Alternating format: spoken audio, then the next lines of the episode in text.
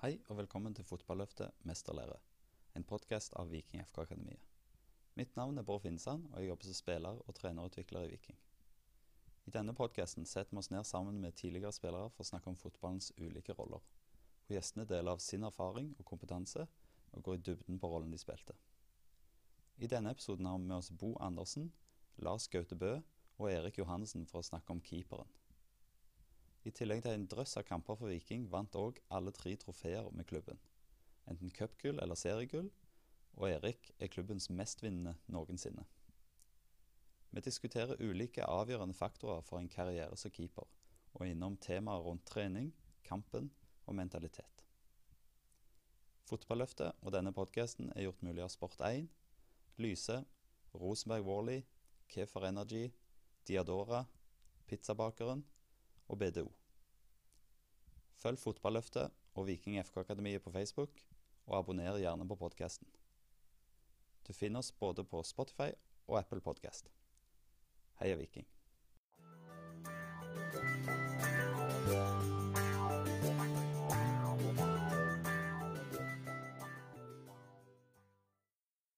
Erik, Lars Gaute og Bo, velkommen, og, tusen takk for at dere kunne komme. jeg gleder meg til en en eh, time cirka med, med fotballprat. Og, og, vi skal ha hovedfokus på, på keeperen i dag.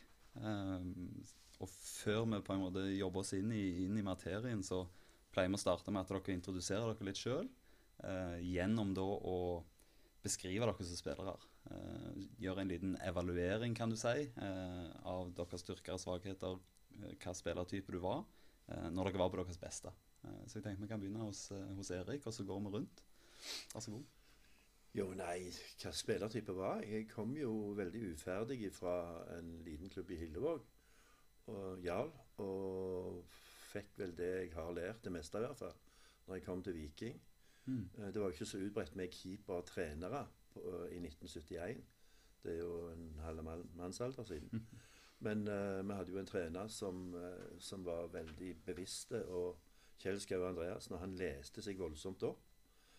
Uh, tyske, engelske, nederlandske litteratur. Så hadde vi jo Sverre Andersen, som var legenden, som hadde stått masse landskamper på Norden sitt lag, og som var keeper i Viking da jeg begynte. da. Og den kombinasjonen av Kjell og Sverre ga meg utrolig mye, for å ikke si alt. da. Mm. Jeg hadde jo et grunnlag og fått spilt i Jarl, men, men uh, Skauen så jo fort at jeg, svakheten min det var feltarbeid og det verbale. Jeg kom som en rolig, snill, langhåra gutt fra Hillevåg, sånn som alle i Hillevåg var. For sakte og sa lite. Men han lærte meg til å bruke det verbale, og så lærte han meg Jobbet veldig mye med feltarbeid. Jeg måtte møte opp en halvtime før hver trening eh, i 1971. Altså, jeg lurte jo på hvor lenge dette skulle vare, for det var jo ekstra trening, og jeg spurte han. Og da svarte han 'Hvor lenge skal vi holde på, Kjell?' spurte jeg han, og da svarte han 'Helt til vi er ferdige'. Og det er jo bra svart, og det gjorde vi òg. Og det gjorde at jeg, jeg utvikla Det ble jo ikke styrken min, men jeg ble mye, mye bedre. Ellers så var jeg jo vel uh, ja, bra på strek. Og så etter hvert så ble jeg veldig verbale. Mm. Uh, var vel gjerne kjent for at jeg var god å dirigere. Flott. Jeg til? Ja, jeg var jo Sånn sett Historien min er jo at jeg var utespiller. og og ble stående mål i en kamp under keeperen hadde brukt hånda si eh, på Varhaug. da, Og gjorde det såpass bra der som keeper at jeg ble interessert eh, Eller Bryne ble interessert i meg da. Så jeg hadde faktisk mine første år som keeper i Bryne. Mm. Og det var midten på 80-tallet. Og ja, eh, der fikk jeg faktisk en keepertrener. det som heter Hans Olaf Braut, eh, som arbeidet mange år i Rone fotballkrets etterpå. Eh, og det samarbeidet fungerte veldig greit. Eh, var der noen år, og Bryne rykte ned. Eh, jeg måtte ta et valg om jeg ville fortsette med toppfotball eller ikke, og, og havna av den grunn i Viking da, i 80. Eh, Og der ble jo Erik Johannessen min keepertrener. Eh, og, og, vi hadde jo et kjempesamarbeid der. Og, og, var jo i Viking resten av karrieren, da, sånn sett. Um, som keeper så, så, var jeg vel, regna vel meg sjøl for å være ganske jevn. Eh, hadde òg problemer med feltarbeidet sammen med Erik. Eh, jeg var nok litt mer enn om ikke en skrikhals, så kunne jeg iallfall snakke eh, når jeg kom, da. Og, og ser vel òg mine styrker som det er til å ha en god dialog med Forsvaret, samt jeg var vel OK på streken innenfor fem meter. Iallfall der følte jeg var bra. Jevne. Mm. Det er vel der jeg ser meg sjøl som, som, en keeper, da. Mm. Så, så, det er vel stort sett meg. Flott. Bo? Ja, jeg eh, ble vel keeper ja, av at uh, vi hadde en utespiller når vi var liksom guttespillere, som uh, Jeg ble så forbannet hver gang vi slapp inn mål. Det endte med med tap der. Og da så var jeg ganske høy den gangen i forhold til de andre. Da gikk jeg i mål. Så, så det endte ofte med at jeg spilte ute i begynnelsen, og så sto jeg i mål etterpå. Og klart, det kunne ikke holde fortsette sånn. Jeg kom også i dårlig, dårlig form på, på, på, de ting som utespiller. Mm. Men uh, så, så, det ble veldig naturlig å stå i mål, for da hadde du liksom den der mer avgjørende rolle. Du, du, jeg følte på en måte at du kunne gjøre større forskjell på om du vinner og taper. Mm. Uh, og så, så, gikk det gradene som Jeg husker ikke hvor gammel jeg var. Jeg sikkert vært 12-13 eh, år. Og så, så, så jeg jo at det her var jeg bedre til enn, enn å spille ute. Og så ja, så ble det sånn. Men det var jo ikke keepertegn den gangen i, i, i, min tid heller, i begynnelsen. Mm. Så det var jo å være med kompisene og finne på løye ting og, og, og de ting. Uh, og, og så, så, så, gikk det jo som det gikk, og det gikk bra. Og kom til på A-laget slagelse, kom til Lyngby, hvor jeg så fikk keepertrener. Uh, og så, så, kan jeg jo godt se i ettertiden at jeg har ikke vært den letteste å ha som keeper. Det, det er det ingen tvil om. Uh, for jeg hadde masse meninger om det. Jeg har hatt Lars, Lars Gaute òg. og, og jeg tror egentlig det som var viktig for meg med keepertrening, det var egentlig at at, at, jeg kunne få lov å være litt med på noen av tingene. Ja. Så, så, gikk det greit. Ja. Så kunne de egentlig få meg til hva som helst, bare jeg òg kunne få være litt med. Så, så, så, det ble litt sånn eh, Jeg hadde jo Peter Schmeichel, som, som var mitt store idol. Mm. Sikkert mange andre i Danmark òg. Så, mye av det han gjorde, var jo noe av det som jeg jobbet med når vi spilte fotball. Sant? For det, det, var jo stilen den gang på 90-tallet. Mm. Så uten at, at jeg nådde de høydene der, så, så, så, tror jeg at, at, de ting som han gjorde, på en måte var litt av det som jeg òg endte opp med å bli. Mm. Uh, og, og, jeg tror at uh, det som var mine styrker, var jo at, at jeg ville vinne. Og, og, så tror jeg at, at jeg var en keeper som tok det han skulle ta. Og så en gang iblant så tok han noe ekstra. Mm. Men det, det var, vi var sånn generelt veldig stabil, egentlig. Ja. Uh, det var ikke de voldsomme retninger. Det, det var liksom god teknikk, god til å lese spillet. Snakket mye. Og det igjen, Peter Schmeichel, det var noe du, du la merke til. Så, mm. så, jeg vet at de spillene jeg har spilt med i Lyngby, de, de, det må ha vært voldsomt. for det, det, var liksom et skuespill for å, å nå det der idol. Uh, og så ja, og så, så har det jo kom jeg til England, så var det også keepertrener. Slutten av 90-tallet. Men, men, det var sånn old school. For eksempel hver tirsdag så skulle man bare skulle man ha litt oppis og skulle seg gjennom. Du, du, kunne ikke gå fra anlegget. og Det var sånn du trente ut på bane 20. Det var langt inn, altså. Eh, men allerede den gang òg så, så, så, så, hadde jeg mine meninger, og, og jeg kan jo godt si i ettertid det er fint med meninger, men, men, men, det er nok ikke godt i dag. Det, det er jeg ganske sikker på. Uh, og, og kom vi videre til Viking. og Viking var vel en av de første plassene egentlig hvor det var en moderne keepertrener. Kurt var der første året. Og så tok Lars Gaute over etterpå. Men, men, jeg har egentlig alltid vært opptatt av at dem som har spilt sjøl fordi, fordi, selve de der keeperøvelsene ja, Jeg kan være, jeg, syns det var litt altså Hoppe over fem kjekler og slenge seg til venstre. Det, det, skjer jo ikke i kamp.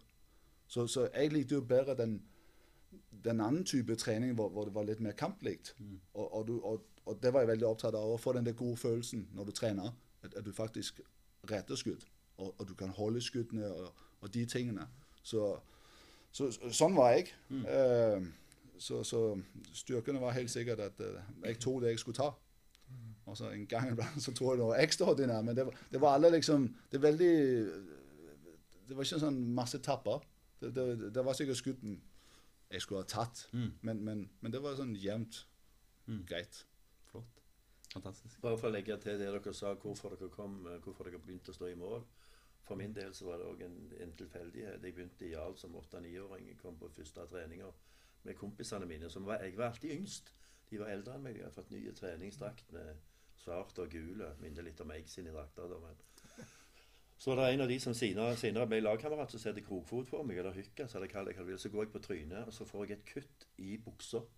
Og det første var Å, hva sier mor mi nå når jeg kommer hjem? Så jeg begynte å grine. Som åtteåring så sier han må du komme deg inn og stå i mål, du da. Helsikens sutrekopp. Så måtte jeg stå i mål, og siden så sto jeg der. Altså, det ble bare sånn. Vi, og det, nå nevner dere eh, Neste spørsmål var egentlig eh, hva gjorde, at, eh, hva gjorde at dere ble keepere? Var det, var det liksom noen egenskaper, ferdigheter eller tidspunkter som var avgjørende? Men, men nå har dere jo forklart dette, og det, det er ganske fascinerende å høre på. For det, hvis jeg skal spørre dere nå, da eh, tid bør en ung spiller eh, begynne å være keeper? Eh, og hva fordeler og ulemper ser dere med å, å vente eller ikke vente? Eh, Erik, du nevnte jo litt det før vi begynte å ta opp. Ja, jeg gjorde det, Bård. Uh, jeg er jo jeg ansatt i, er engasjert i Hinna, da. Der jeg trener primært herrekeeperne. Og så trener jeg damekeeperne utenom. Så har jeg uh, junior- og guttekeepere inn. Så har jeg lagd et lite konsept på torsdagen som jeg kaller for De yngre. Og der kan de komme 11-12 år. Og um, Der er vi seks stykker, og det er ikke sikkert alle de seks blir keepere, men vi har det veldig kjekt. Så er det to der, spesielt én som uh, Han er så bra uh, til å være tolv år. Og jeg har spurt han om han, om han har drevet noe keepertekniske trening. Nei, det har han ikke. Han er sannsynligvis god i alle ballspill, både håndball og basket, og, og har den egenskapen. Uh, og han må jeg ta en prat med, for jeg vet at treneren hans bruker han òg, for han er god som utespiller. Og så bruker de han, så har de en sånn nest tredje best i mål. Uh, men, men jeg må snakke litt med han, og jeg kommer til å si til han du kan bli så god som du vil, men du må ville dette. Du må ønske det, du skal ikke tvinge en tolvåring til å stå i mål. Og som jeg sa til deg, Bård, jeg, du kan diskutere bredde fotball til du får nye melketenner, men jeg tror dess tidligere du begynner, og vil stå i mål, dess bedre blir du. Noen andre innvendinger på det? Tanker? Nei, jeg, jeg tror nok det er godt erfaringer, men, men når det gjelder meg sjøl, så, så, følte jeg at jeg, jeg gjorde jo dette som 16-åring. Da hadde jeg, jeg hadde ikke redda med hendene før Mm. den tid. Mm. Uh, men jeg hadde nok det du kaller for På engelsk kaller jeg vel for bålsens, da. Jeg vet Mm. ikke hva rette ord på norsk er, jeg, da, men, men det var noe i det. Mm. Altså, jeg klarte å ta hys. Det var ikke naturlig for meg til å gi returer. Og det hang med meg, så jeg vet ikke hvor jeg hadde det ifra, men sånn var det. Eh, men jeg hadde voldsomt interesse av å stå i mål, når jeg forsto det at det var gjerne der jeg ble best, som Bo sier. Mm. Så, så, så var det der liksom det gikk etterpå. Uh, så, men det er klart, til yngre du er, til mer du får med deg, det er jo bra. Mm. Men erfaringen jeg hadde som utespiller, når jeg da begynte å stå i mål, den tykker jeg var gull verdt. Ja. For den hadde jeg med meg lenge. Ja. Og spesielt når jeg kom i den fasen der vi som keepere ikke fikk lov å ta ballen med hendene i en periode, når det, tilbakespillsregelen kom. Det var jo krise for mange. Selv om jeg òg gikk på ei blemme der, så hadde jo jeg en liten fordel da allikevel. For jeg hadde tross alt slått ei breiside tidligere. da. Mm. Mm. Akkur akkurat det tenkte jeg litt på Nå tok jeg bare ordet, rett og slett. tenkte jeg litt på om vi tre skulle samles her i dag, så tenkte jeg litt på min egen rolle som keeper på 70-80-tallet og i dag. Um, jeg var ikke den type keeper som du, Lars Gaute, eller deg, Bo. Spesielt deg. Spesielt du, Lars Gaute, syns jeg var utrolig med, med beina for det du hadde spilt ute. Og i gitte situasjoner så har jeg tenkt hva ville jeg gjort der? Men det er klart, Det blir sånn utopisk. For jeg måtte jo òg trent på dette. Men keeperrollen, som vi sikkert kommer tilbake til, var jo en helt annen på 70-tallet. Ja. Som gikk over mer og mer til å bli det som det er i dag. Mm. Ja, vi kommer tilbake til det, men Mm. eh, Bo, du kan få, få svare. Du. Men jeg tror, jeg tror det er veldig forskjellig. Eh, jeg, jeg tror at, at, at det kommer naturlig for dem som blir gode. Og så er jeg litt redd for at dem som man på en måte tvinger til å stå i mål, de ender opp med å, å ikke stå i mål. Og kanskje slutte å spille fotball. Fordi det er jo én som skal stå i mål. Mm. Og, og jeg har i hvert fall sagt mange ganger at i, i, i barnefotballen så mener man bør rotere. Så, så det, denne helgen eller når man spiller kamp, så er det dere to som står en omgang hver. Neste uke så er det og så videre og så så, så tror jeg egentlig det vil være naturlig for, for, for mange etter hvert at, at å, dem som vil nå langt, de ser jo altså, det, det, Da får de erfaringer. jeg så jo sjøl at jeg var mye bedre som keeper, og så, så viste det seg at det var jo noen fordeler. Du skulle ikke springe like mye som spillerne. Ja, det var greit. Sant? Du hadde, jeg kunne bedre styre mine pauser sjøl, for jeg kunne bare holde skuddene. Eller bruke litt tid på femmeteren og alle de der ting. Eh, så, så, så jeg tror at, at jeg tror ikke det er noen fasit på hvornår man skal Men, men det er klart, jo lenger tid du holder på med ting, jo bedre blir du. Mm. Men jeg tror òg det er viktig at man har noe for noe annet. For det blir òg en styrke, og spesielt i dag hvor altså, Sønnen min sa til meg Du kan ikke spille med føttene. Jeg skjøt bare ballen vekk. Det. I dag så går det altså. Sønnen min spiller i Vindbjørn. Det, det, det det er ikke lov. Sant? Jeg hadde aldri klart meg sånn plass. Men, men det er nok den utviklingen som, som, som det den, altså som det hva, hva skal man si at det, det, Utviklingen går den veien. Men jeg savner jo litt de der Man, man sier jo keeperne er litt crazy. Ja, men jeg savner noen crazy keepere i dag. Fordi alle blir så moderne. Sant? Så, så jeg vet ikke. Det, det, det, det kommer jo helt an på hvem som, som trener de, og det, det er jo alltid en fordel med, med, med noen som har gjort noe sjøl. Mm. Så, så kan du bedre spare med dem og snakke med dem om hva har de vært, de forskjellige opplevelser. Så, så det, det Ja. Jeg holdt på å si, alle, alle keepere har jo noe. Jeg, jeg sa en gang at eh, du trenger ikke å være galen for å stå i mål, men det hjelper jo litt. Og, og noen av oss er rolige eh, av, hum- av lynne, for å si det sånn. Men får på oss en keeperdrakt, så er vi jækla klar, altså. Og, eh, og, og får fram det galla, Det er kontrollert galla i oss. Du har jo en som jeg trente, Rune Jarstein, f.eks., som som, som jo er en fantastisk keeper. Han er, han er høyt oppe på rangeringa mi, og andre sin òg. og Rune hadde jo et, egentlig et problem når han kom her, med det temperamentet. Som jeg og han og andre òg Vi jobbet med det. Uh, vi, vi snakket om det. Vi, jeg tror vel gjerne Rune litt under armen, og derfor så er vi venner i dag òg. Og snakker med han en gang nå og da. Men uh, men, men jeg tror at vi, vi, har, vi har noe spesielt. Altså, Du må ville stå i mål, og du må òg kunne tåle et nederlag. For eksempel, det er to, der er to keeperplasser. Det er nummer én, og så er det nummer tolv. Uh, selvfølgelig så går du for nummer én, men det kan være du blir nummer tolv.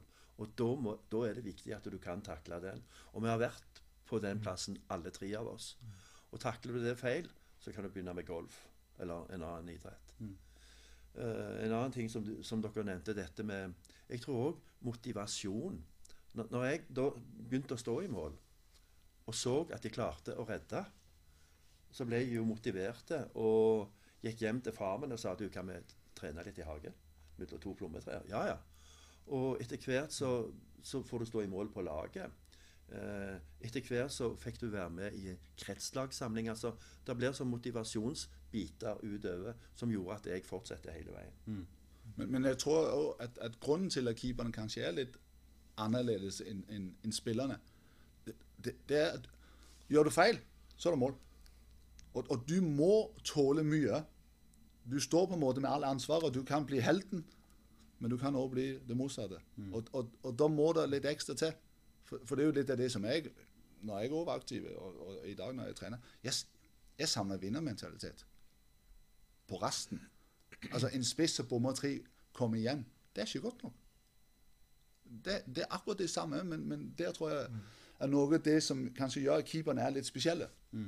Fordi det har så stor betydning når, om du lykkes eller ikke lykkes. Og konsekvensene blir Ja. jo veldig store. Og, Ja. og, og, og du er egen som, som keeper. Du er det. Du, du må tåle andre ting eller, eller utespill. Det kommer du ikke vekk ifra. Mm. Altså, du, er altså, du blir veldig nagen når du står i mål den dagen og eh, slipper inn Altså Spissen har gjerne brent tre sjanser. Eh, fire, fem sjanser ikke fått mål. Det er 0-0. Og så slipper du en, et drittmål på slutten. Da er det ditt navn som står i avisa. Det er du som må takle. Eller motsatt. Eh, eksempelvis eh, Ham, Hamar-kameratene, ikke sant? Der det er hva resultatet ble. Ja, vi måtte, jo, vi måtte jo ha et poeng, og Ja. jeg redda et straffe Ja, rett før mot slutt. slutten, ikke sant? Da, og, og da er det jo liksom det, den vektskåla som går begge veiene, da. Ja. Så, eh, men, men du må i mitt hode være sterk i psyken. Du, du må kunne takle og gjerne også slippe inn tidlige mål. Og da kunne heve deg igjen og la det bli historie og legge det bak deg. Eh, jeg har opplevd det motsatte. Kjære vene. Eh, liksom du slipper inn mål, og du, du prøver og du prøver. En gang så ba jeg om å bli skiftet ut. Køln i Køln. Det er jo verdenshistorie dette for lenge siden. Jeg vet ikke om dere husker det, gutter. Men 9-1. ja. Eh, eh, vi hadde slått Køln i Stavanger, og det var jo en kjempesensasjon. 1972. Fiskebolleguttene fra Stavanger slår proffene fra Køln. Vi hadde bjellene på ryggen, derfor kalte de oss for eh, Fiskebolleguttene. Kommer ned til Køln og får skambank. Og du føler sjøl Jeg følte altså 1-0, 2-0, 2-1 faktisk, med pause. Og så er det 3-1 og 4-1. Og du får det ikke til. Så jeg, eh, jeg ba om å bli skiftet ut. For jeg følte dette kan ikke bli verre. Så jeg ba Skauen om å bli skiftet ut. Så sier Skauen nei, jeg skal herde deg. OK. Så er det 5-1 og 6-1. Og så tenkte jeg det, det, det syv 7-1. Og da feiket jeg en strekk. Det er den eneste gangen i mitt liv jeg har feikt en skade. Da ba jeg om å bli skiftet ut. Han skiftet meg òg ut. Det fikk jeg dessverre aldri sagt til Skauen før han forsvant. Men, eh, men jeg er ærlig og innrømmer det nå. Det er fascinerende. Det er vi skal jo komme inn på dette her òg, med, med mentalitet og, og, og uh, Kurt Hegre som jobber her nå, han er jo veldig på dette at, at eh, keeperne må jobbe med å være i en, et rollespill, kan du si. Eh, de, må, de må spille en rolle, de må spille et skuespill som gjør at de uh, presterer bra. Ikke, du ser ikke at de, at de blir påvirka av mål imot, f.eks. osv. Hvordan, hvordan jobbet dere med dette å ta, takle mål imot, motgang? Og kanskje da tabber. Eh, har dere noen konkrete eksempler på der det gikk skikkelig inn på dere, og dere brukte lang tid på å komme tilbake, eller har det- alltid prella av? Eh, hvordan, har dere, hvordan jobbet dere med det? Nei, det, det, det er klart, det går inn på deg når du slipper inn tabbemål. For tross alt, om vi er galne, så er vi også ærlige. Mm.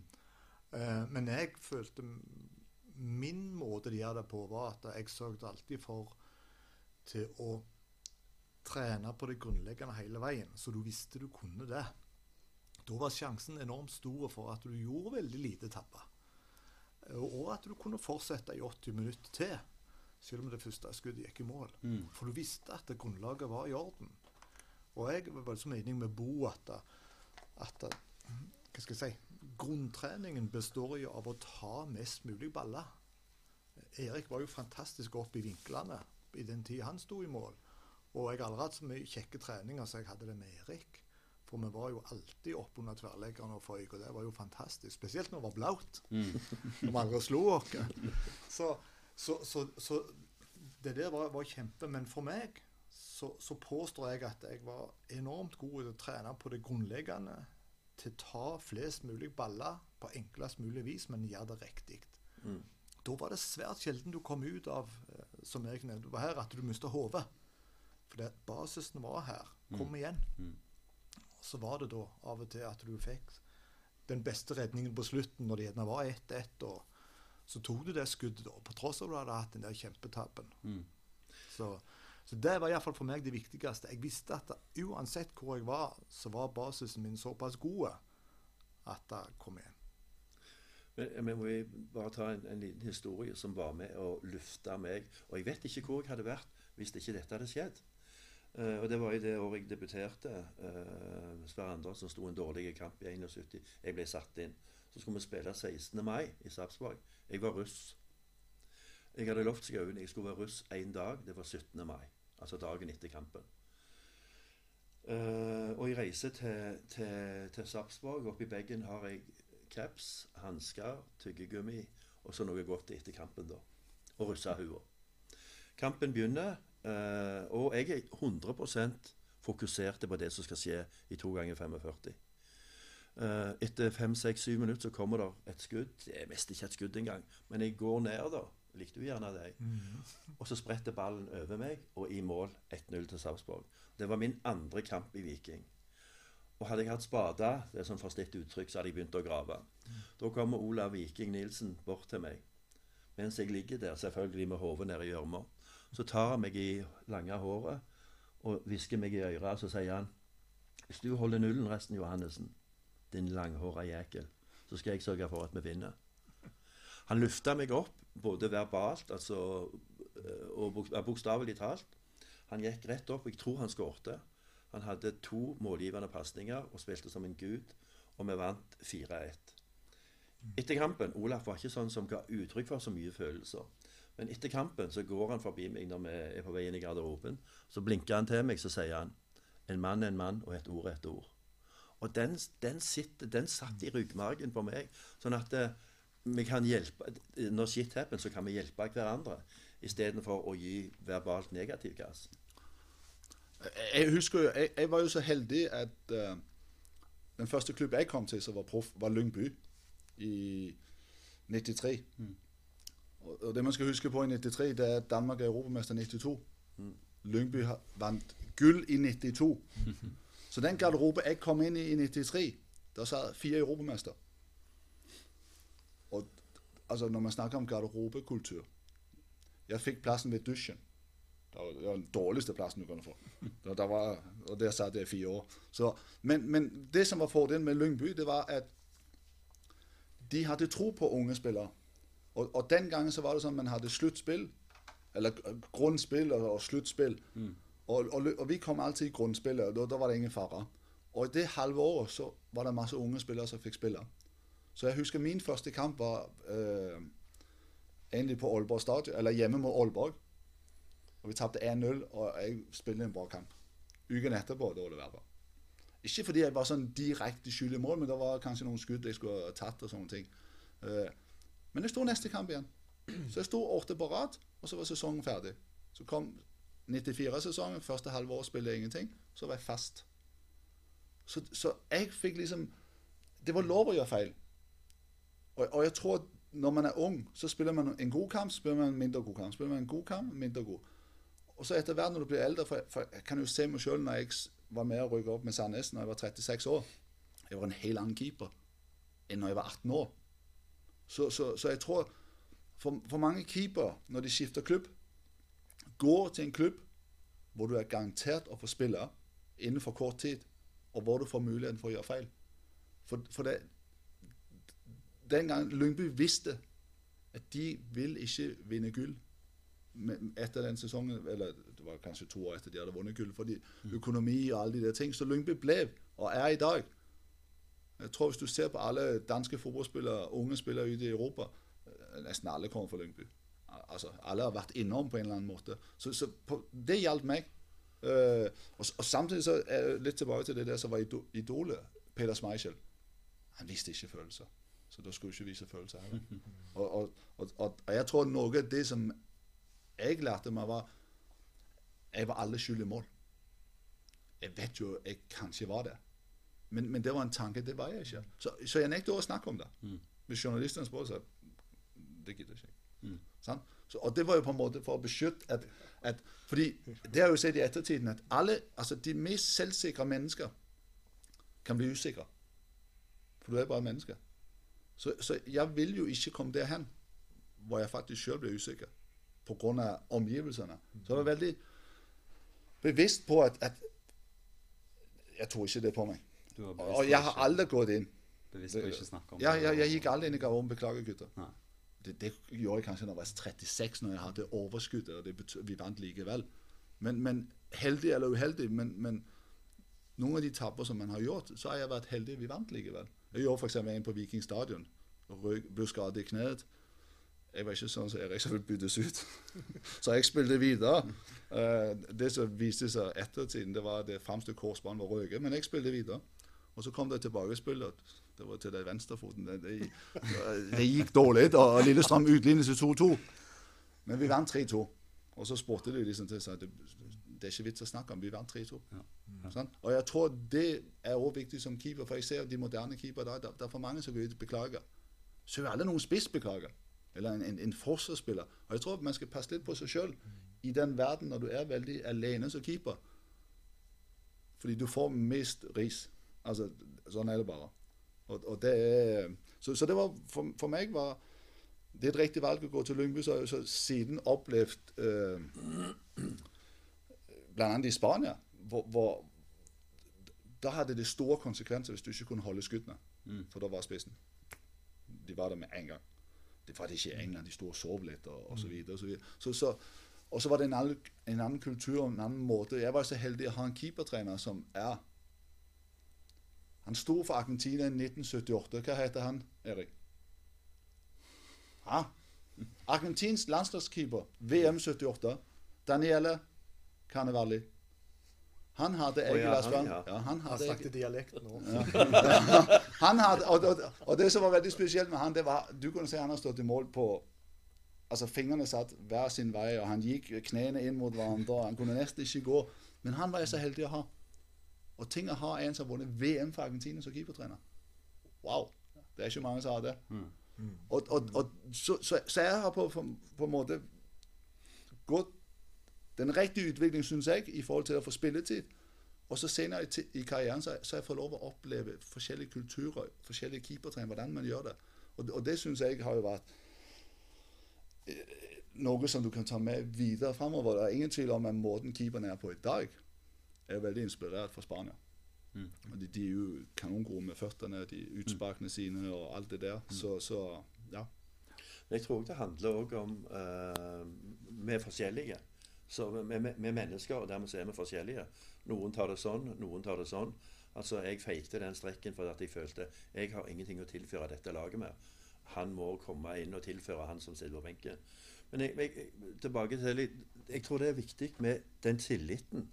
At du vet at du har tillit. At støtteapparatet, at treneren gir deg tillit. Og når jeg begynte det, så var det jo Skauen på godt og vondt. En fantastisk mann. Eh, og mange episoder om han. Men, men, men han, han, han, utstrålte tillit. Du kunne sette deg ned og diskutere ting med han. Stort sett så fikk han det som han ville, for han var veldig flink til å manipulere. Men du hadde tillit. Og du visste at selv om du i gåseøyne dreide deg litt ut, så er ikke det avgjørende. Uh, han hadde, når vi diskuterer dette med å stå mange kamper så var han tilbake igjen i 82, da vi tok eh, eller den siste gullmedaljen min. Da Da var Kjell igjen trener. Og da konkurrerte jeg med Tore Haugalstad. Og det var veldig jevnt. Og det var sånn on-off. Eh, og det kan du diskutere. Gjorde han riktig? Eh, vi spilte mot Lokomotiva Leipzig på Stavanger stadion. Jeg spilte en veldig bra kamp. Det er skrøyt, men OK. Vi vant 1-0, og jeg holdt nullen. Eh, og de var kjempefrustrerte. Det var i Øst-Tyskland da. Kjempefrustrerte for at jeg hadde gjort det så bra. Eh, vi skårer ett, og så spiller vi en seriekamp etterpå der jeg er offline, altså jeg spiller dårlig. Og så når vi kommer ned til Leipzig, så står Tore Haugvastad i mål. Og da sto østtyskerne og klødde seg litt i hodet. Varom, varom? Liksom hvorfor ikke jeg sto. Men han valgte da den linja at uh, han la et veldig press på oss. Og det takla vel jeg på en litt annen måte enn Tore. Tore var young and coming, så dette på svensk. Og mens jeg hadde rutine. Og Tore tok det på en litt annen måte, da. Så, men, men det, det, var et valg som han tok, da. Det resulterte i gull. Mm. Og det resulterte i at det alltid var en keeper som var helt på tå.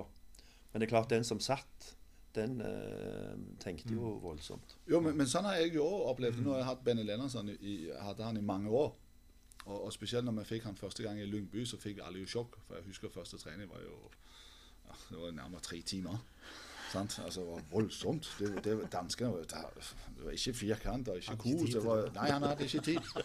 Og, og, og noe av det som, som, som, Benny var flink til, det var jo han, han han på en måte interesserte seg i, i, i folket, altså spillerne. Så, men jeg kan huske at noe av det som jeg de keepertrenerne jeg har hatt med Benny Lerskjøt, har sikkert opplevd det samme.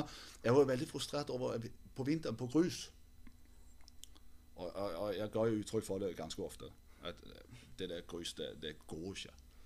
Så en dag så kom Benny og smilte. Og jeg tenkte det var rart, der, for det er jo ikke normalt han liksom smiler på den måten før trening.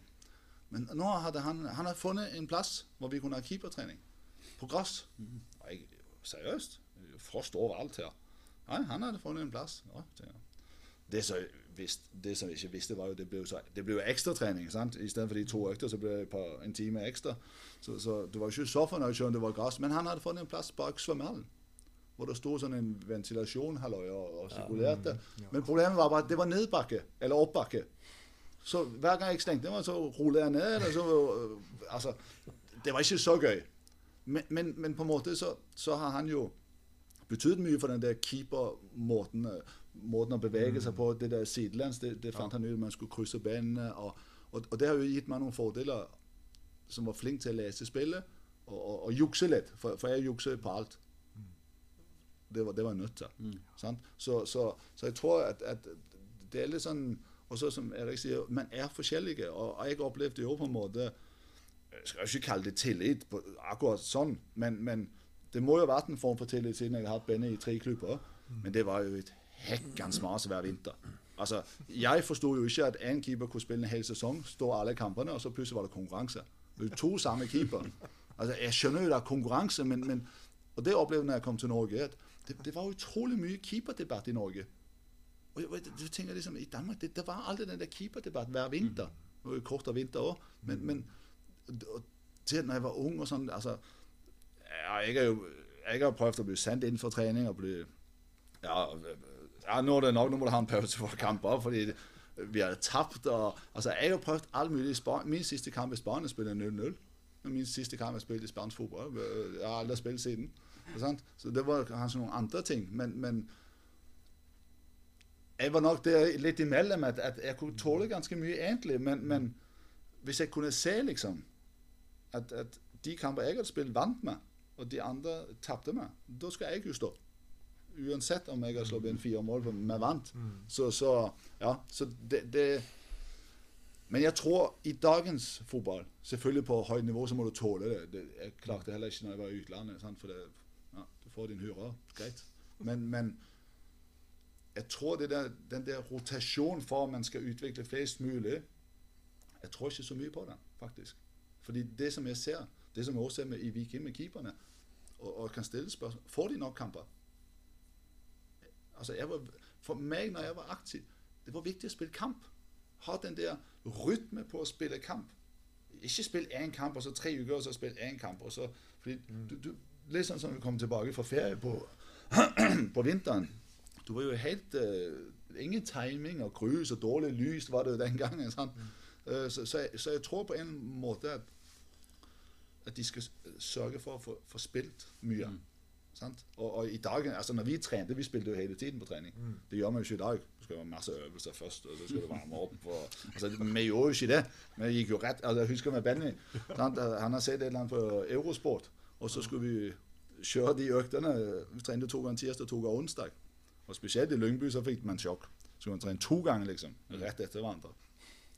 Og, og, der skal jeg også si, så der fikk vi jo god mat mellom treningene. Ja. Så det var sånn dansk julefrokost etter, hver tirsdag og hver onsdag, og du var jo helt ødelagt når du skulle ut og, og trene. Men, men, han hadde jo ikke tid. Det var mange ganger han mm. avbrøt øvelsene, for nå, nå, var det tatt for lang tid. Ja. Og, og, Da var det typisk opp han hver sin ball og alt mulig han har sett på Eurosport. Jeg husker en gang Ronaldo, den riktige Ronaldo, utside-innsidefinten. Hvordan skal han for keeperne til det. Jeg husker også en, en øvelse Milan fikk til. Spille en stor firkant med noen i midten. Skulle holde ballen i luften. Og da sa han på et tidspunkt Herregud. De får det jo til i Milan, men vi får det ikke til. Så, så, så, jeg tror det spiller veldig inn hvem du har. For, det, for når jeg kom til utlandet jeg jo, når jeg kom til England, så fikk jeg jo sjokk. Etter Benny fikk fyken, så, så må det jo være der litt lenger. Og så fikk vi en trener. Og det kan jeg si hånd på hjertet. Det er den verste du kan få av alle. Tony Pulis. Shit. Da slet Bo Andersen.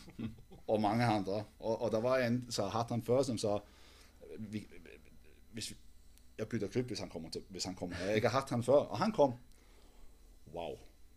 Men jeg ser jo i ettertiden hvorfor det er viktig å være sånn som han var.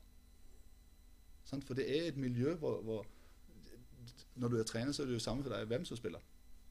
Jeg trodde jo ikke det når jeg var aktiv. Jeg trodde det var viktig jeg spilte. Ja. Men, men, så, så, men jeg tror det var godt for meg å få Tony Pulis når jeg var et par 20. Jeg skulle kanskje hatt han et par år senere, faktisk. Eh, For det var tøft. Eh, Så, så ja, du blir herdet. Men, men jeg tror ofte så blir du herdet på hvem du får. Sant? Eh, Jeg har jo hatt sønnen til Skau Andreassen. Og det, jeg sier ikke de liker, like, men da var jeg glad for at jeg var jeg var- ja. Jeg var glad for at jeg var eldre. For ellers hadde jeg, jeg kunne det, er klart at eh, du òg, Lars Gaute, har jo opplevd flere trenere, og det har jo jeg òg. Og fått jobbe med både Ove Røsler og Åge Hareide den siste perioden da jeg var her. da. Jobber nå med en Rikard Bjerga i, i eh, Hinna, som er seg sjøl, som jeg har all respekt for. På et såpass lavt nivå som vi er- på. Fantastisk.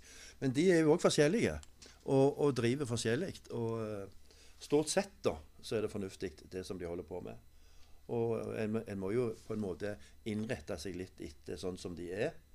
Eh, men som, eh, men som, som keeper-trener, f.eks., så, så har du jo litt å si på hvordan du vil trene keeperne. Altså, Vi har jo en avtale der at våre keepere de har, de har keepertrening hver dag. Eller hver gang vi trener. Søndag, mandag, onsdag, torsdag, fredag. Da har vi stort sett da, min, minimum 25 minutter i begynnelsen av treningen. Men det er klart, av og til så har Rikard lagt opp til noe annerledes, som jeg selvfølgelig justerer meg etter. Flott. Uh, tenker vi skal ta det litt inn mot uh, kampen og spillet ganske spesifikt. og Det er noe jeg har gleda meg til å snakke med dere om det. Eh, dere har jo nevnt feltarbeid og innleggssituasjoner. Eh, men hvordan, når dere forsvarte boksen på best mulig måte eh, Hva er det som skjer da? Eh, Da i forhold til relasjon med forsvarsleder og sånn, så klart. Men gå litt igjennom hvordan det det å forsvare boksen, ikke nødvendigvis fra innlegg òg, men forsvare den boksen som er på en måte deres, da, eh, som keepere. Eh, når dere fikk til det på best mulig måte, hva er det som, hva avtaler gjør dere? Hva er det som fungerer? Men, men jeg, jeg tror, for- min del i hvert fall, så, så var det som, som jeg har sagt tidligere, det var ekstremt viktig for meg å vinne. Altså, det det er det viktigste. Mm. Og jeg tror, når du, når du, når du spiller fotball eller andre idretter, så er det stor forskjell på om du spiller det fordi det, du syns det er kjekt, eller fordi du vil vinne. Mm. Og For meg så handler det kun om å vinne. Og jeg tror det på trening og kamp var det å vinne Så, så, så mange ganger så kommuniserte du på en annen måte i forhold til det du egentlig skulle spille på. Jeg, jeg tror ikke det er godt i dag, fordi da skal du jo spille med offensive backs og når vi leder 1-0 Tilbake, alle mann. Nå skal vi forsvare, nå skal vi dra tiden og alt det der. Så, så, og, og det der med å rulle den ut til venstrebacken eller høyrebacken Glem det. Altså, jeg husker når jeg var i Sandnes, hadde vi en midtbanespiller som jeg syntes ikke var god med ball, så jeg spilte han aldri. For jeg vil vinne. Så, så, så jeg tror måten jeg gjorde det på, var jo veldig i forhold til å vinne. Mm. Innlegg for, for så mange inn midt for mål, for det er jo der det skjer. Og, og jeg vet jo i dag så, så, så skal keeperne være gode til alt og være gode i feltet. Jeg har også hørt mye om det der gode i feltet. Mm. Uh, og jeg syns jo egentlig at de ganger jeg gikk i feltet, så var det bra. Men jeg kom over til England da jeg var 22, og da fikk jeg vite du har femmeteren, vi har. Mm. Så det gjorde jo òg noe. At, OK, fint for meg. Da står jeg i femmeteren. Så for dere slåss ute der, så røyk det noen tenner på dem, og, og så videre. Men, men det der med å kommunisere i forhold til å vinne, og ikke i forhold til hva som i dag så skal vi se, altså Jeg husker jo en gang i Spania vi skulle se video av kampen. Alle sov. Alle sov. Det var ingen som så det der.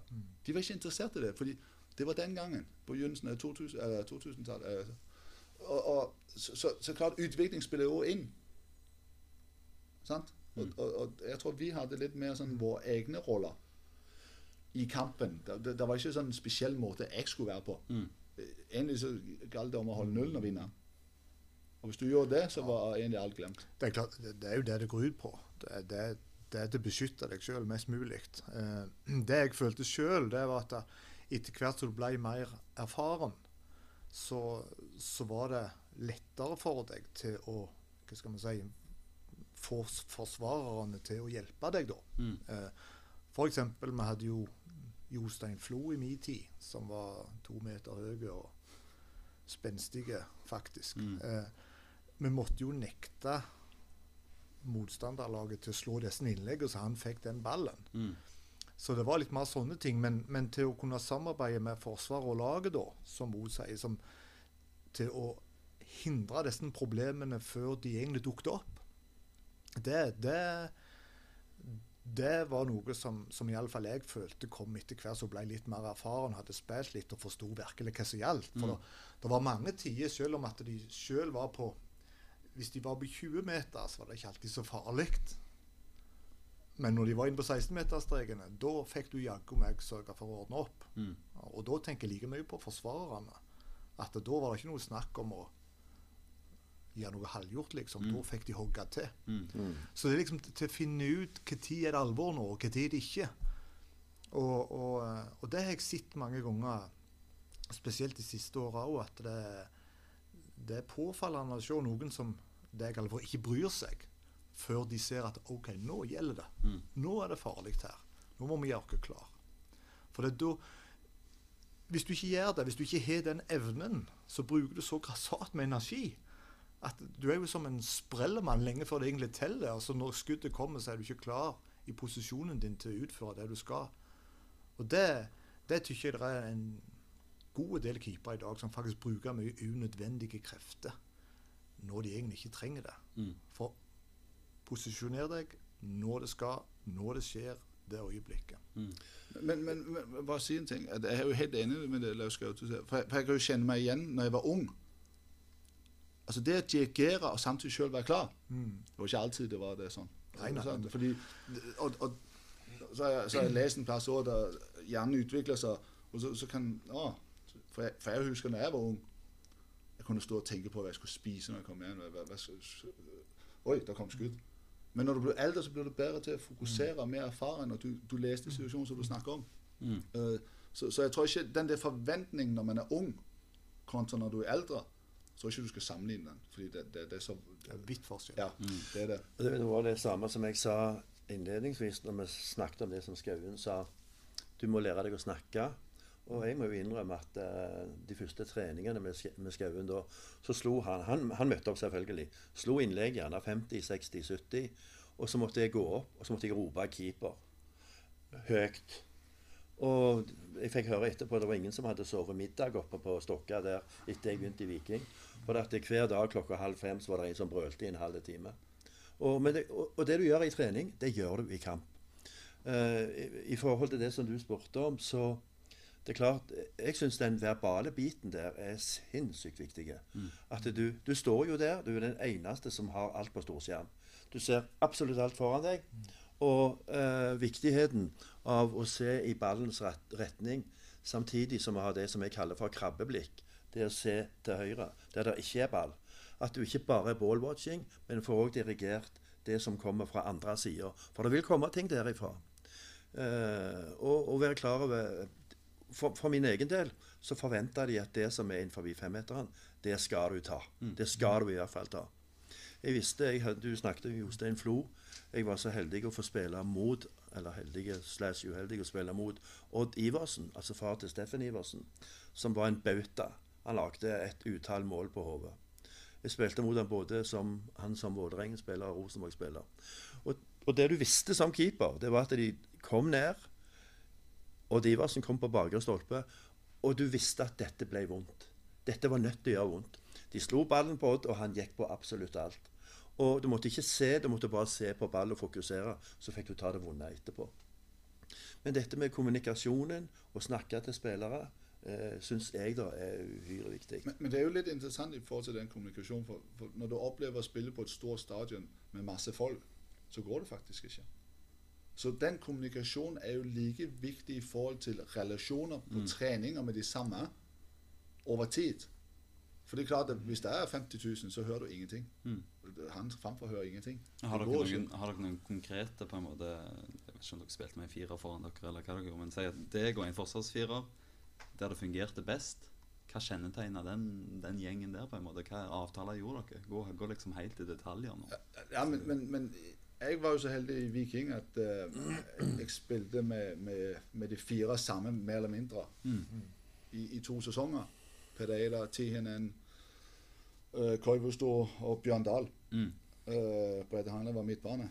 Eh, av og til så gikk han ned og spilte midtstopper òg, men, men det var sånn noen klare det, det var, Jeg tror ikke vi avtalte noe, men, men det var ikke nødvendig for keeperen å gå ut. Nei. Med mindre du var helt sikker på det. I England fikk du klar beskjed om du skulle ikke gå ut for hvis du bomma. Oi, oi, oi, oi, Mm. Og, og i Spania så kommer det ikke innlegg. Altså, det, det er jo ikke det. Men, men det var også, du hadde noen midtstopper som hadde der styrker. De, de sa sånn, sånn, sånn. Og så ble det sånn. Men, men jeg, det var mer i, i forhold til en mot en-situasjoner. Hvor skal de dekke? Hvor kan du stå? Og, og alle keepere hater når de skyter mellom benene på dem. For da har ikke forsvarsspillerne gjort jobben. Mm. Så, så, så det var sånn noen klare avtaler som, som, som bare ble sånn. Mm. Fordi reaksjonene på trening når ting skjedde, mm. det gjorde jo at, at man ga mer beskjed kanskje den gangen enn en man gjør i dag. Sant? Så er det bare videre og sånne ting. Men, men Men det er vel også sånn, Bo, at eh, når du har en firer foran deg, som stort sett er den fireren som du har Selvfølgelig, det kan skje utskiftninger. Så jeg vet min rolle, og de vet sin rolle. Eh, Når en spiller på et såpass høyt nivå som vi gjorde da, eh, selv om vi var amatører, så vet de hva de skal gjøre. Selv om du gjerne hinter litt liksom pass i ryggen og alt dette her, så, så, så trengte du, som du sier, Bo, du trengte ikke før kampen å inngå noen sånne spesifikke avtaler. For at uh, det var stort sett det samme forsvaret som spilte foran deg da. Men jeg fikk jo oppleve når jeg kom til Las Palmas, at det med å kommunisere var jo plutselig litt verre enn eh, vanlig. For, for det var sånne ord der som var vanskelig. Mm. Men sånn som, de, som, som jeg fikk beskjed Bare snakk. Det samme du snakker dansk, norsk, engelsk, tysk, fransk. Bare snakk. Og det gjorde vi jo. Så, så var det noen spanske ord som du måtte lære deg veldig fort. Høyre og venstre, og, og pass på, og, og vekk, og alle de der ting. Men bare det du snakker, det gjør de vet hvor, På det nivået så vet de hvor du er henne. Mm. Så, så du trenger egentlig ikke å kunne forstå det. Mm. Fordi på det nivået så har folk et, et så høyt nivå at og det er som, Hvis du sitter og ser Champions Liverpool, storkampene Jeg tror ikke de kan høre hverandre. De bare vet. På instinkt. Sergio Ramos. Jeg tror ikke han får beskjed av keeperne vekk alene. Han spiller sitt spill. Og, og Derfor tror jeg at, at kommunikasjon er viktig, men det er også viktig at hver enkelt spiller vet Jeg har jo opplevd mange av det dere har opplevd. at øh, Det var en som sa keeper, så stoppet alle opp. Det, det ser du ikke i Spania, Italia og England. Det, det er ikke noen som stopper opp. De gjør jobben sin ferdig, og så kan de etterpå. Det, det var liksom tendensen tendens vi hadde i Skandinavia i hvert fall på et tidspunkt. At, ja, men du sa Ja. Mm. Du ropte jo. ja. Ja. Sant? Så Så, så, ja, så jeg tror du ser på, høyden, på det høyeste nivået, så ser du spillerne de tenker sjøl. Mm. Jeg tror ikke De agerer dirigerer så mye. Mm. Jeg, jeg tror de, de vet. Mm. Det- det- De bruker ikke ressurser på det, tror jeg. De, de bare vet det. Nei, og så har du da- da motsatt liksom, på det nivået vi spiller på nå. Jeg hadde en som var innom, og som begynte hos oss for to år siden. Og Han lurte jeg på kom fra døveskolen, for han sa ingenting. Absolutt ingenting. Og da, mener jeg ingenting. Så jeg sa til han at uh, en, en rolig, forsaktig kar Jeg skal ikke gjøre noen vondemann ut av deg, men jeg skal prøve å få deg til å snakke. Han uh, var hos oss i to år, nå er han gått til Lura, og han snakker. Uh, han, han hadde fokus på det sjøl.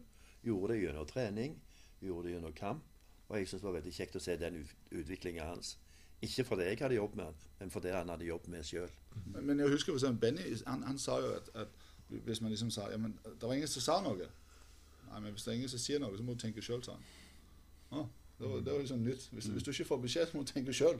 Wow. Så det var sånn enkelt. Hvis, hvis du ikke hørte noe, så må du tenke sjøl. Mm. Ja. Det, det er kanskje like stor verdi i å snakke, og, som gjør at du sjøl blir uh, skjerpa og fokusert, kanskje, enn at du Ja, klarer klarer å gi beskjeder uh, videre? Du, du, altså, jeg følte det i hvert fall sånn at selv om spillet ikke foregikk nede på min siste tredjedel, uh, så snakket jeg òg til midtbanespillerne. Det, det holdt i hvert fall meg engasjerte inne i kampen. Hvis du står rett opp og ned i en fotballkamp som keeper og har lite å gjøre, så blir du ikke engasjert der. Men hvis du Jeg vet ikke om de hørte det, men jeg sa hvis Inge Valen hadde mann i ryggen, så ropte jeg 'Ingen mann i rygg'. Og da er du liksom on hele veien, da. ja. ja da, men det, det, det er jo det som er litt alfa og omega for keepere, tror jeg. Det er til å holde på en eller annen form engasjement oppe. Ja. Enten med snakk eller jogge rundt i målgården eller hva mm. du gjør. Men, men eh, det var jo ikke alle lag som hadde Ingve Bø som sa 'Nå er det nok, Lars Gaute. nå tier du'.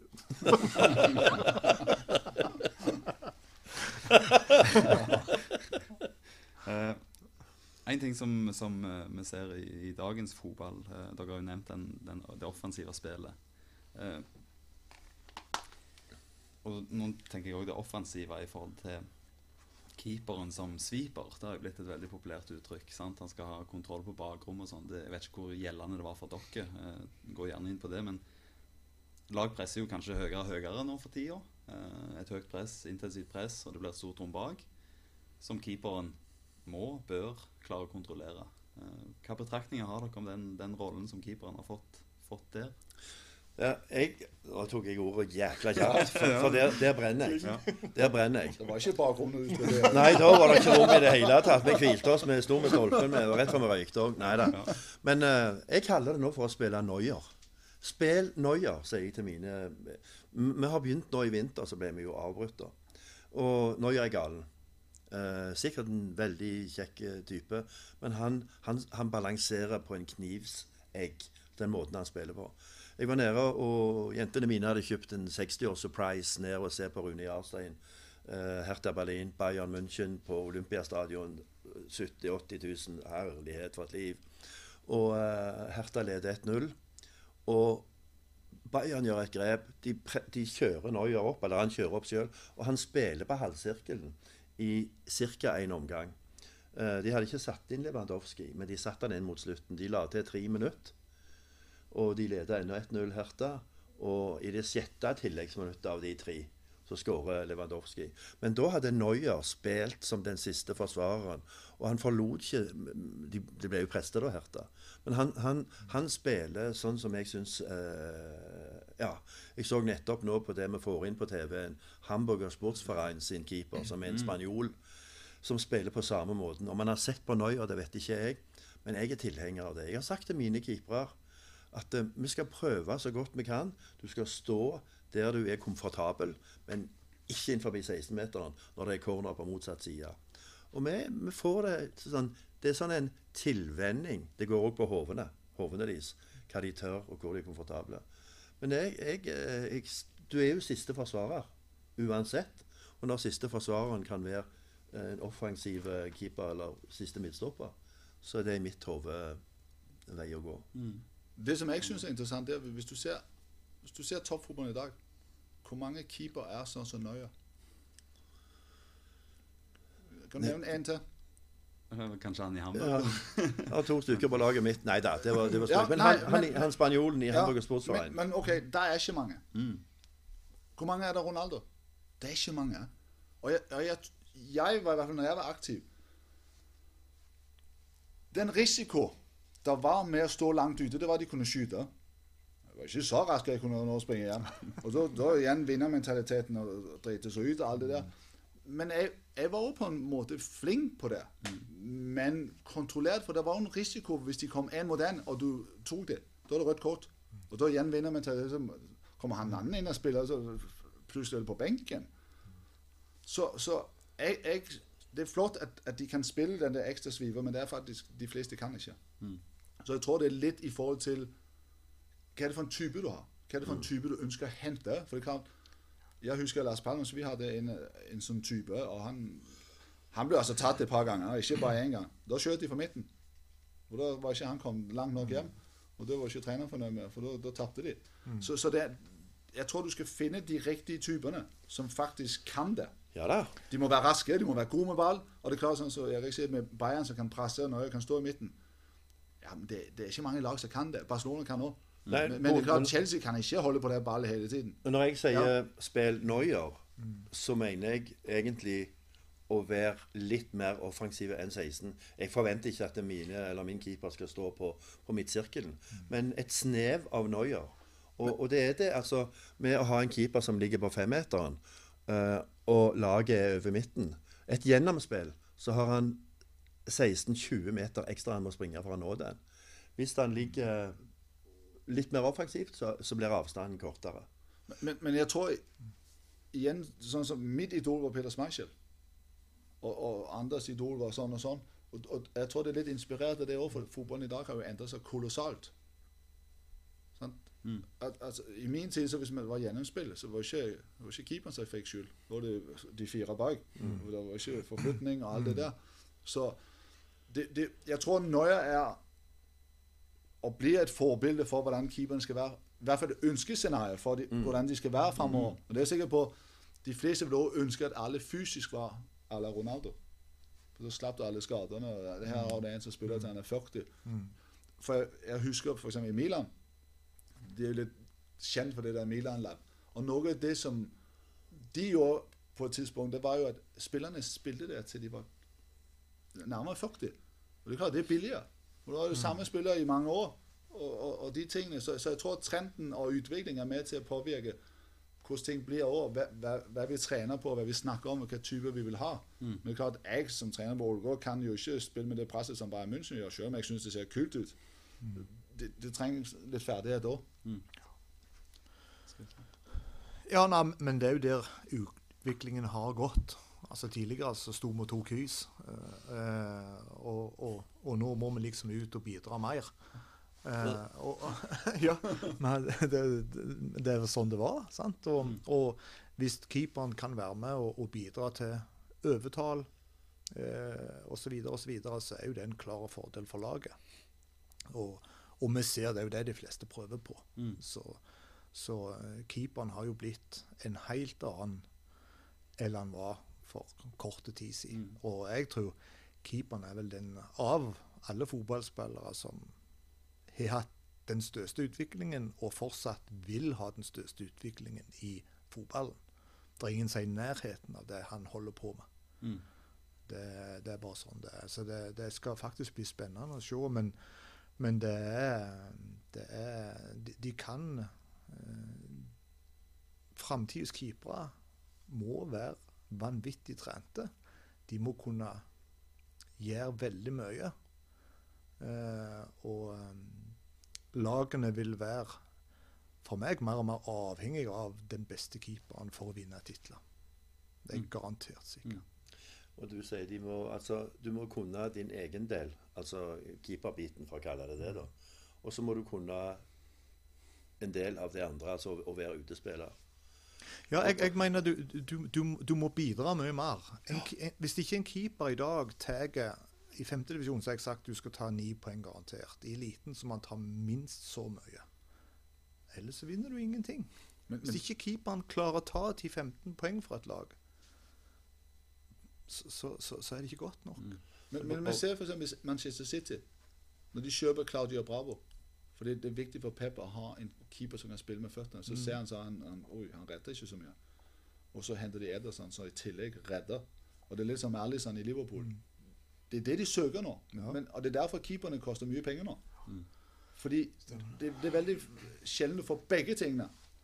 Men jeg tror egentlig de fleste trenere hadde valgt spillet med benene kontra om de redder skuddene. Grovt sagt. For det blir så en stor del av spillet eh, på det høyeste nivå at, at det Fordi de har så gode forsvarsspillere som kan tenke sjøl at, at, at, at det, Men det er sånn, altså, de skal være sinnssykt godt trente. Vi har jo ikke hatt sjans. Jeg har jo ikke hatt sjans. Det, det, det, Altså, du skal må, spise på den måten, og du skal testes, og du skal måles og veies. Jeg fikk jo oppleve litt av det i Spania, sant? Men, men wow. Det ja. men, men det som, er, som jeg òg har tenkt på du, du, du bør, og du må, og du skal helst være like god med begge beina. Altså Vanligvis har du én fot, Mens gode keepere nå, uh, you name it, Jarstein eller whoever, altså det, de er like gode med, når de får disse tilbakespillene, med begge beina. Og det er jo òg utrolig viktig. Pluss dette med å, altså, å, å drive egen trening på det. Vi diskuterte her i vinter, og jeg sier er det noe dere savner. Jeg har ikke fasit eller monopol på ved på å være keepertrener. Og syns det er veldig greit å ha en dialog med keeperne. Uh, som vi gjerne har Etter hver kamp har vi det selvfølgelig, en gjennomgang. Og så i vinter så snakket vi om bla, bla, sesongen som kommer. Så var det en som sa og vi, vi bør vel gjerne trene litt mer på den dårlige foten. Så det er helt korrekt. Det er noe som jeg har Oi, litt i glemmeboka, men det er veldig bra. Fire hoder, fem hoder tenker bedre enn ett, vanligvis. Uh, og, og, det gjør vi, da. Og enten du vil eller ei, så blir du bedre hvis du øver på det. Selv om det kommer 35 skeive utspark som treffer resultattavla. Hvis du gjør dette her kontinuerlig, så blir du bedre på det. Mm. Og det skjer i hver kamp. Det kommer et tilbakespill fra en lurvete midtstopper som du må ta med venstrefoten. Eller den dårlige foten.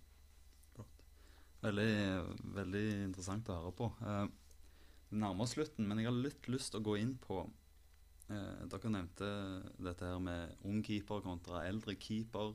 Eh, og bare sånn med mine betraktninger så kan du se ofte at eh, en talentfull keeper er kanskje enda bedre når han begynner å, å bikke 30 osv., og, så videre, og de kan spille ganske lenge, mange av dem. Eh, og dere nevner posisjonering.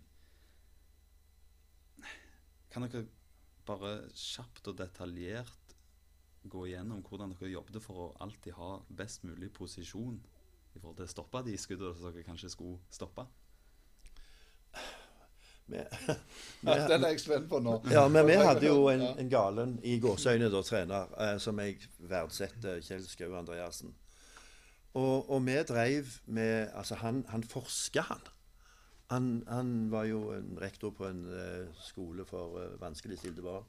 Så jeg lurte litt på av og til, selv om han hadde gått der sjøl, men det hadde han ikke. Han var, og han forska, og vi, vi holdt på.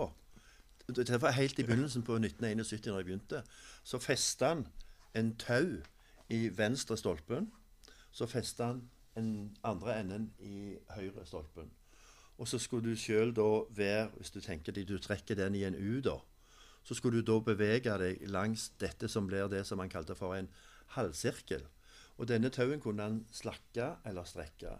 Du skulle sjøl finne ut Altså, Når du beveger deg fra stolpe til stolpe på denne halvsirkelen Hvis du står her ute, så skal du dekke det lange hjørnet, som vi sier, det korte hjørnet, og en eventuell lobb.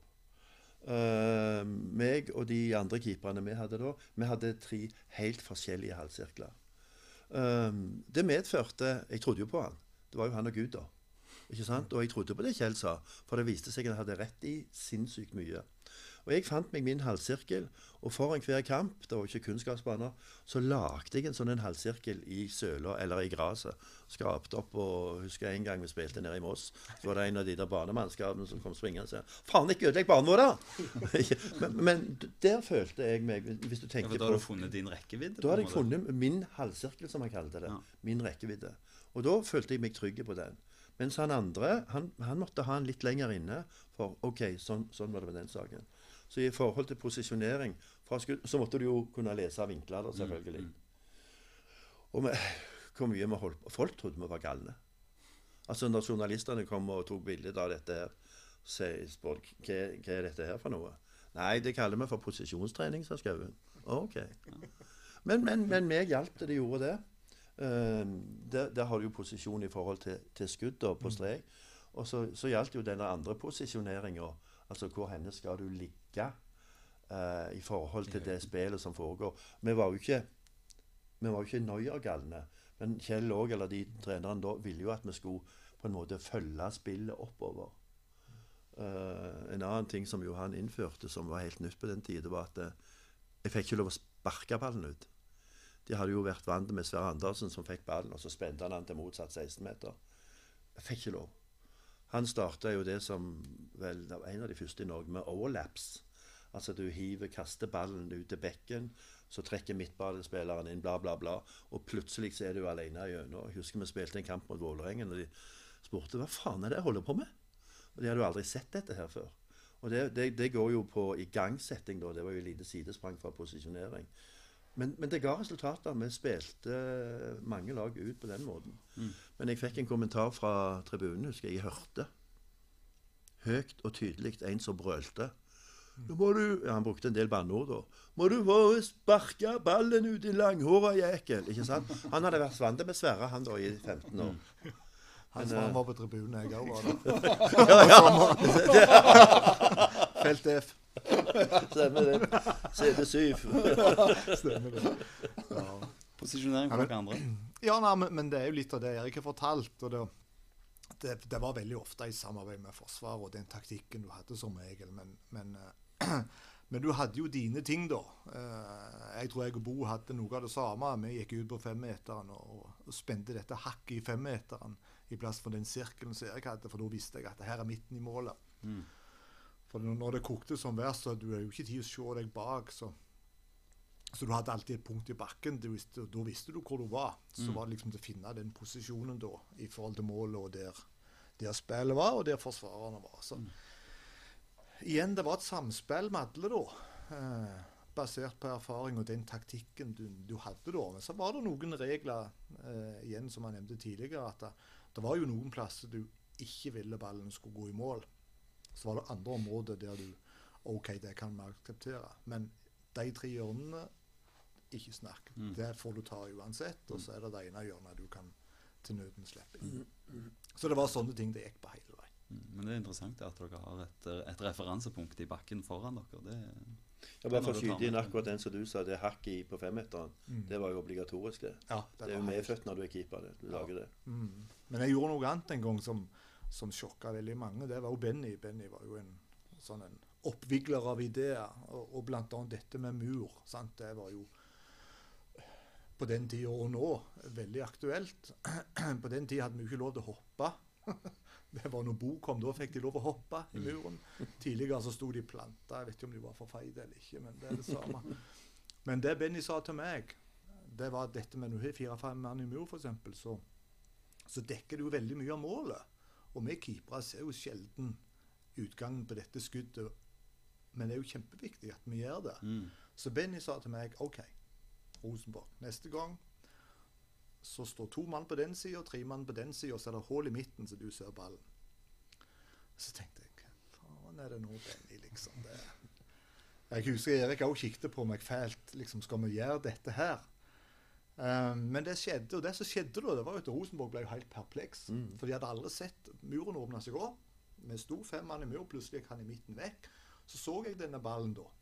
Og det endte jo i ingenting da. For plutselig så hadde ikke de noe trekk på det da. Mm. Så det var mange måter vi kunne forhindre ting på. Mm. Det, det er jo litt av det samme, men, men i stedet så lagde, jeg òg merker i banen. Og så når jeg ble litt eldre, og noen av banene var jo dårlige fra før, så jeg følte på en måte Jeg gikk vekk fra å lage merker inn i femmeteren. Det, det var Av en eller annen grunn så gjorde jeg ikke det, for det, det, det, var, det var ødelagt nok der. Uh, men, men, men det som jeg begynte på, det var å, å finne punkter hver gang du skulle spille kamp. Og på trening var det jo én ting du trente samme bane, men på kamp fant du punkter på stadion. Enten på banen eller på tribunen eller et eller annet. Eller du fant Og så, så var jeg Jeg tror jeg, en av mine styrker var at jeg var flink til å liksom lese situasjoner, se ting, og, og, og ha den der forståelse av det. Uh, for jeg husker også, for å springe til noe helt annet, med å spille med Viking nede i Kristiansand mot Start. Og så fikk Start frispark. Og så sto dommeren med hånden opp. Og så var det en som het Donatos som spilte i København. Han skulle ta frisparket. Han har jo ikke sett det. Jeg hadde sett det. Han skjøt ballen på mål. Jeg bare lot ballen gå inn. Så tok ballen og la den på femmeteren. Så ble det et kort sekund litt kaos, for dommeren var litt i tvil om hva var. Men, og han der Donatos han sprang opp på tribunen og jublet, og vi kontra. Og Benny han sa jo i etterkant du er spinngal. Mm. Men det hadde jeg sett. Sant? Og, og jeg tror det gjorde en fordel i forhold til posisjonering. Vi trente veldig mye på det. var den type keepertrening jeg likte. Typisk skudd fra siden, forflytning, stå rett. Men nå, og så hadde jeg mange skudd ut forbi 16 hvor de, hvor de bare gikk rundt og skjøt. Og så skulle du posisjonere deg. Men sånn grunnregel er jo egentlig at fra der ballen ligger der du står Hvis du strekker armene, så skal de helst dekke begge stolper. Så er du godt gardert. Hvis du klarer det sånn cirka, Mm. så tar du det. Mens jeg var jo stadig den der Jeg, jeg var jo ikke så moderne egentlig, fordi jeg mente at f.eks. frispark, hvis de skjøt over muren, så var det bare å applaudere. Flott. Og det hadde jeg jo litt diskusjon med i Norge. når Den ene gang eller to ganger det skjedde, hva skal jeg gjøre? Jeg har min side. That's it. Muren kan hoppe. De kan Skjønner du? For det der med å stå midt i målet, så er det faktisk 3,5 meter til begge sider. Og, og med den spensten jeg hadde, da var ikke det nok. Så, så, så jeg måtte ha litt mer. Men, men eh, så, så, så, så mye den keepertreningen jeg hadde nesten fra dag én til, til slutten, gikk på posisjoneringen. Å stå rett. Og, og jeg, jeg vet jo for, for min del så, så mange skuddene jeg tar, det er pga. at jeg har lest situasjonen, jeg står i balanse 90 grader, jeg har det riktige spenn, alt det der. Så, så det var ikke så vanskelig. Problemet er når du ikke har balanse og plutselig skal gjøre noe. Shit, da sliter du. Men jeg var alltid i balanse. Så du kan si De mål som jeg slapp inn, ja, ja, det var ikke i nærheten av dem. Men det er jo, det er jo Fordi- rød tråd òg, Bo, i, Ja. i keepertreningen, som du sier her nå. Dette med posisjonering uh, og balanse. At du ikke står på den ene eller andre foten, og at du står i posisjon i forhold til han som kommer. Uh, hvis jeg har avslutningstrening, Uh, og det hender at jeg får en gjeng opp som skal skyte mot keeper, så er det jo helst keeperne en skal ta seg av. Men jeg prøver jo å veilede spisser òg, og, og sier til dem Kast et blikk opp på keeper før du skyter. Bare et bitte lite, så ser du om han står feil. Hvis han ikke står feil, ok, så må du være god for å sette den inn. Men det kan være, det er mange keepere som posisjonerer seg feil. At de står for mye til venstre. Ok, så skyt høyre, da. Men, men det jo litt, det, det bruker jeg gjøre når vi avslutningstrener. For, for jeg sier jo at du, du skal skyte i, i den siden hvor, hvor du kan skyte ballen rett fram. Sant? Og så, så må jeg jo Ok, nå må jeg forklare det for dem, fordi jeg vet det. Men, men det er typisk at når du kommer alene med keeper, høyre fot, så må du skyte til venstre foran. Rett fram. Fordi der keeperen har dårligst tid. Hver gang du skyter diagonalt, så får keeperen tid. Det tar lengre tid. Og det var det jeg følte også når jeg sto i mål, at de som kom på en måte rett fram ah, altså. Du når ikke noe, sant? Men, men den posisjoneringen du har i forhold til feltarbeid, i forhold til tilbakespill og, og alle de der ting Jeg tror hvis- du kan øve det med sjekler og alt det der, men, men jeg tror det er viktig. Du, du spiller mye på trening, du får mange av de situasjoner. Og, og du jobber med det. Jeg vil jo ikke ha tilbakespill midt i mål. Og s- s- Nei, jeg Jeg gikk ut til siden. For hvis jeg bommer, så skjedde det jo ingenting. Og, og, og, det med langskudd og alt det der òg For å stå riktig så skal du stå altså Jo eldre du blir, kommer du lenger og lenger inn, fordi så har du bedre tid. Når du er ung, så skal du være offensiv. Og sånn. Jeg med dårlig spenst, det var jo ikke bra.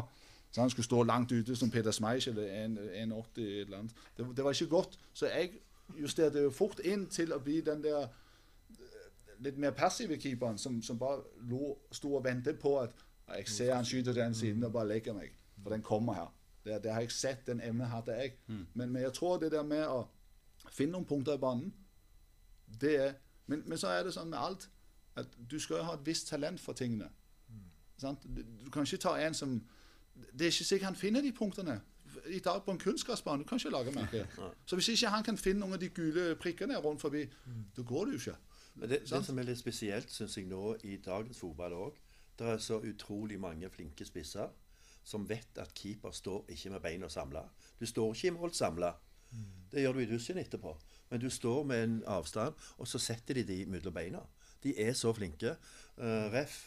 Uh, siste kampen Haaland spilte mot uh, Bayern München. Etter to minutter så setter Haaland tunnel på Neuer. Uh, Alaba redder vel på streken, da. Og, men eh, men de, er, de ser det.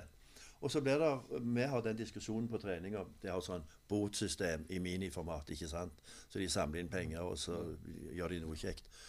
Og nå, nå var det en diskusjon i fjor høst på tunnel på keeper er bot.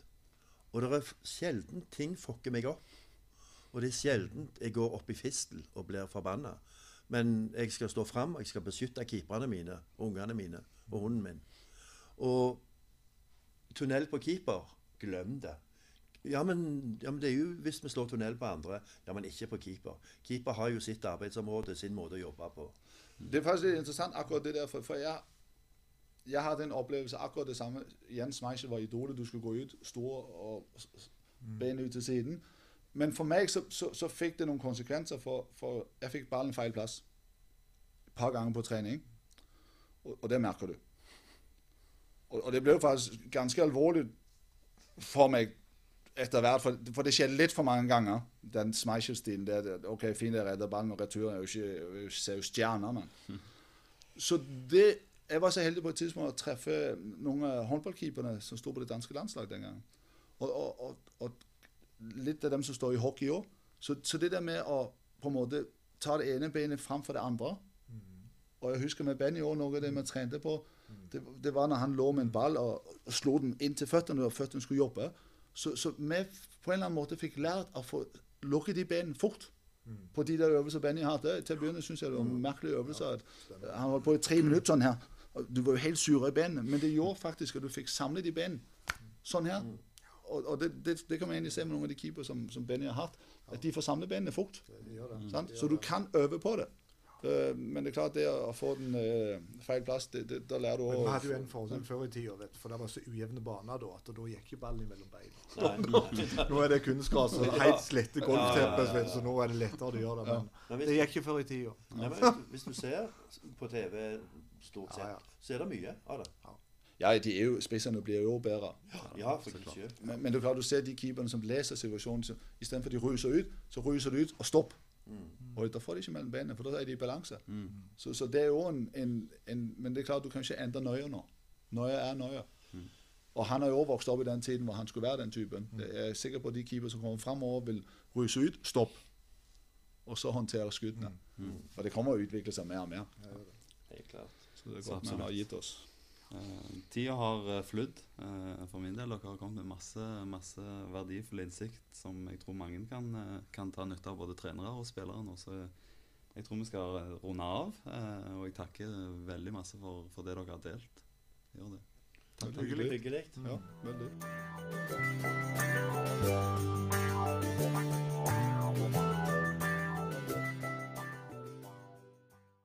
Takk for at du hørte på denne episoden av Fotballøftet mesterlære.